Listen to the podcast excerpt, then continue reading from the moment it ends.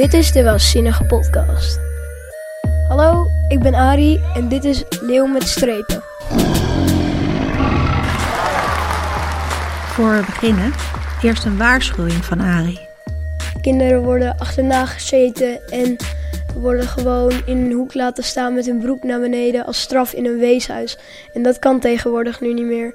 Dus je moet wel een beetje weten wat eh, echt is en niet echt. Maar waarom heb je dit boek dan uitgekozen? En er stond een enorme kraai op de voorkant, dus dat zag er ook al cool uit. Wie is dat dan? De pestdokter, dat is een hele enge kraai. Een man in een kraaienpak. Dit boek speelt zich af in de 17e eeuw. Dat is zo'n 400 jaar geleden. Er was toen een uitbraak van de pest. Dat was een dodelijke ziekte die eeuwenlang in Europa voorkwam. De ziekte was zeer besmettelijk. En net als corona was het een pandemie. Het verspreidde zich snel en wereldwijd. In die tijd stonden de mensen voor een raadsel. Mensen kregen hoge koorts en kregen bulten zo groot als een appel of een ei. Niemand wist waar de ziekte vandaan kwam of wat er tegen te doen was. Het gaat over Cat. En eh, die heeft een huidziekte.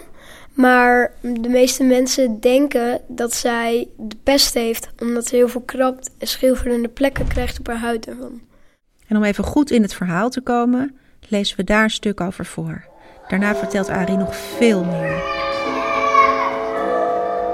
Jacob pakt de hand van zijn zusje vast. Niet krabben, Cat, maar het jeukt zo.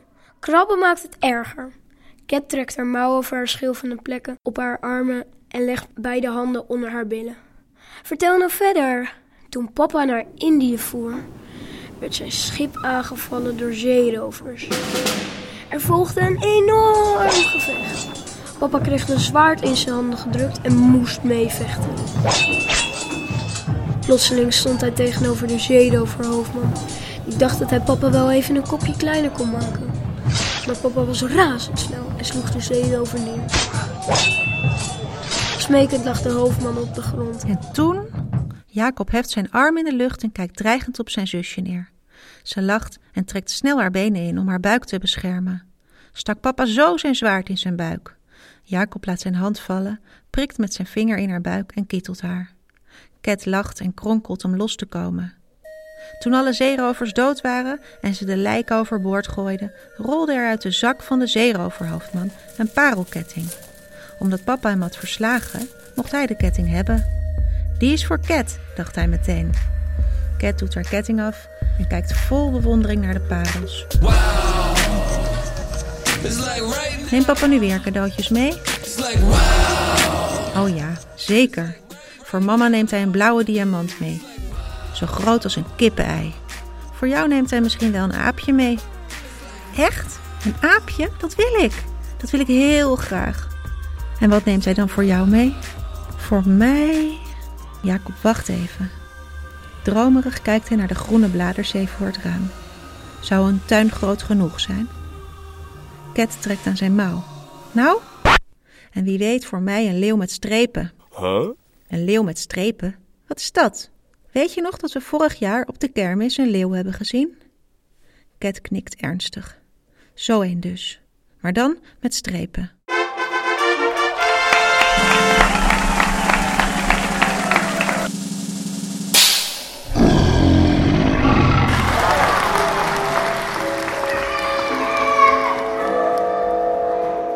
Je hebt het vast al begrepen, maar Cat en Jacob zijn dus broer en zus. Hun vader is op zee en hun moeder ligt al heel lang ziek op bed. Jacob wordt naar het weeshuis gebracht en Cat naar het pesthuis. Iedereen met de pest ging naar het pesthuis. Cat had helemaal niet de pest. En Jacob had überhaupt geen idee waar zijn zusje gebleven was. Eigenlijk is dat heel zielig, toch? Want die kinderen zijn helemaal alleen. Ja, maar bij het weeshuis is er gelukkig één iemand die Jacob meteen aanspreekt. Willem, een grote reus, een hele grote jongen. Jacob weet nog steeds niet wat er met Cat is en hij wil haar redden. Maar hij moet eerst zelf ontsnappen uit het weeshuis. Hij probeert het in zijn eentje, maar dat lukte niet. Maar Jacob hielp hem uiteindelijk en toen lukte het supergoed. Je bedoelt Willem hielp hem. Eh ja, Willem hielp.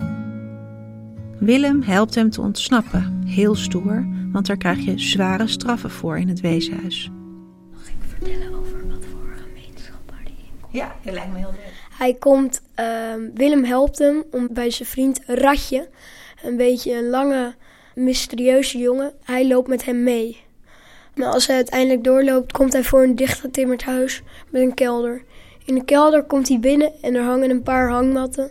En er staat een tonnetje met wat kratjes.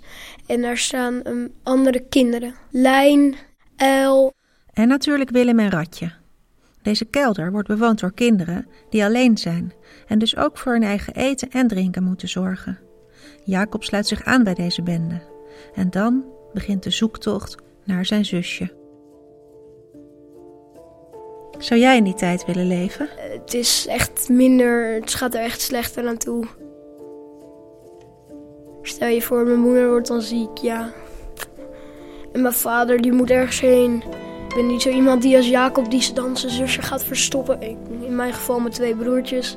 Ik ben zo iemand die naar buiten rent en zegt, doe me niks. Help. Wat ik wel spannend vond, is... Lijn best wel boos werd omdat opeens ontdekte Jacob echt een, als een van de eerste zijn geheim.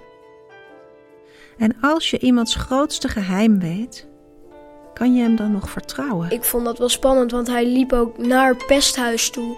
En even dacht ik van, hij gaat niet, toch niet proberen om Jacob in het pesthuis te krijgen. Dit boek is wel heel realistisch, hè? Nou, ik vind het altijd wel leuk om boeken te lezen die heel erg dat echt gebeurd kan zijn. De vloek van Polyphemus. Die heb ik ook gelezen en dat vond ik ook wel leuk, omdat dat, dat kan, is natuurlijk ook nog fantasie, maar een deel daarvan kan ook nog echt zijn. En dat vond ik ook heel leuk. Kijk, van de Donald Duck krijg je ook een beeld, maar dan zie je het beeld met je ogen. En dan zie je het ook echt hoe het eruit zou moeten zien. En hier mag je het helemaal zelf bedenken. Waarom denk je dat dit boek Leeuw met strepen heet? Een leeuw met strepen is wel zo, alleen het is eigenlijk iets anders. Het is eigenlijk een tijger. Wat Arie dus eigenlijk zeggen wil. Mm, of iets wat zo is. Maar het klopt niet, het hoort niet. Cat eigenlijk hoort niet in het pesthuis, maar het is toch zo. Ik dacht dat het... Het is wel zo, maar het hoort niet. Dat dacht ik. En dat noemen we de moraal van het verhaal. Zo'n vermoeden had ik wel. Dit was Arie over leeuw met strepen een boek van Marlene Rebel en Lucinda Vos. De illustraties zijn van Sophie Pluim. In de volgende aflevering spreek ik Mert. Ik ben Mert. Hij vertelt over Shaki en de grote glazen lift. Op wie hij lijkt? Ja, ik, ik lijk meer op opa Jacob. Huh? Ik wil ook van alles doen en uh, meebeleven. Als voorbeeld vertelt hij over de achtbaan en over zijn verhuizing van Turkije naar Nederland. Want we gingen helemaal opnieuw beginnen. We hadden niet heel veel spullen meegenomen uit onze oude huis. Ben je er klaar voor? Bye bye! Tot over twee weken.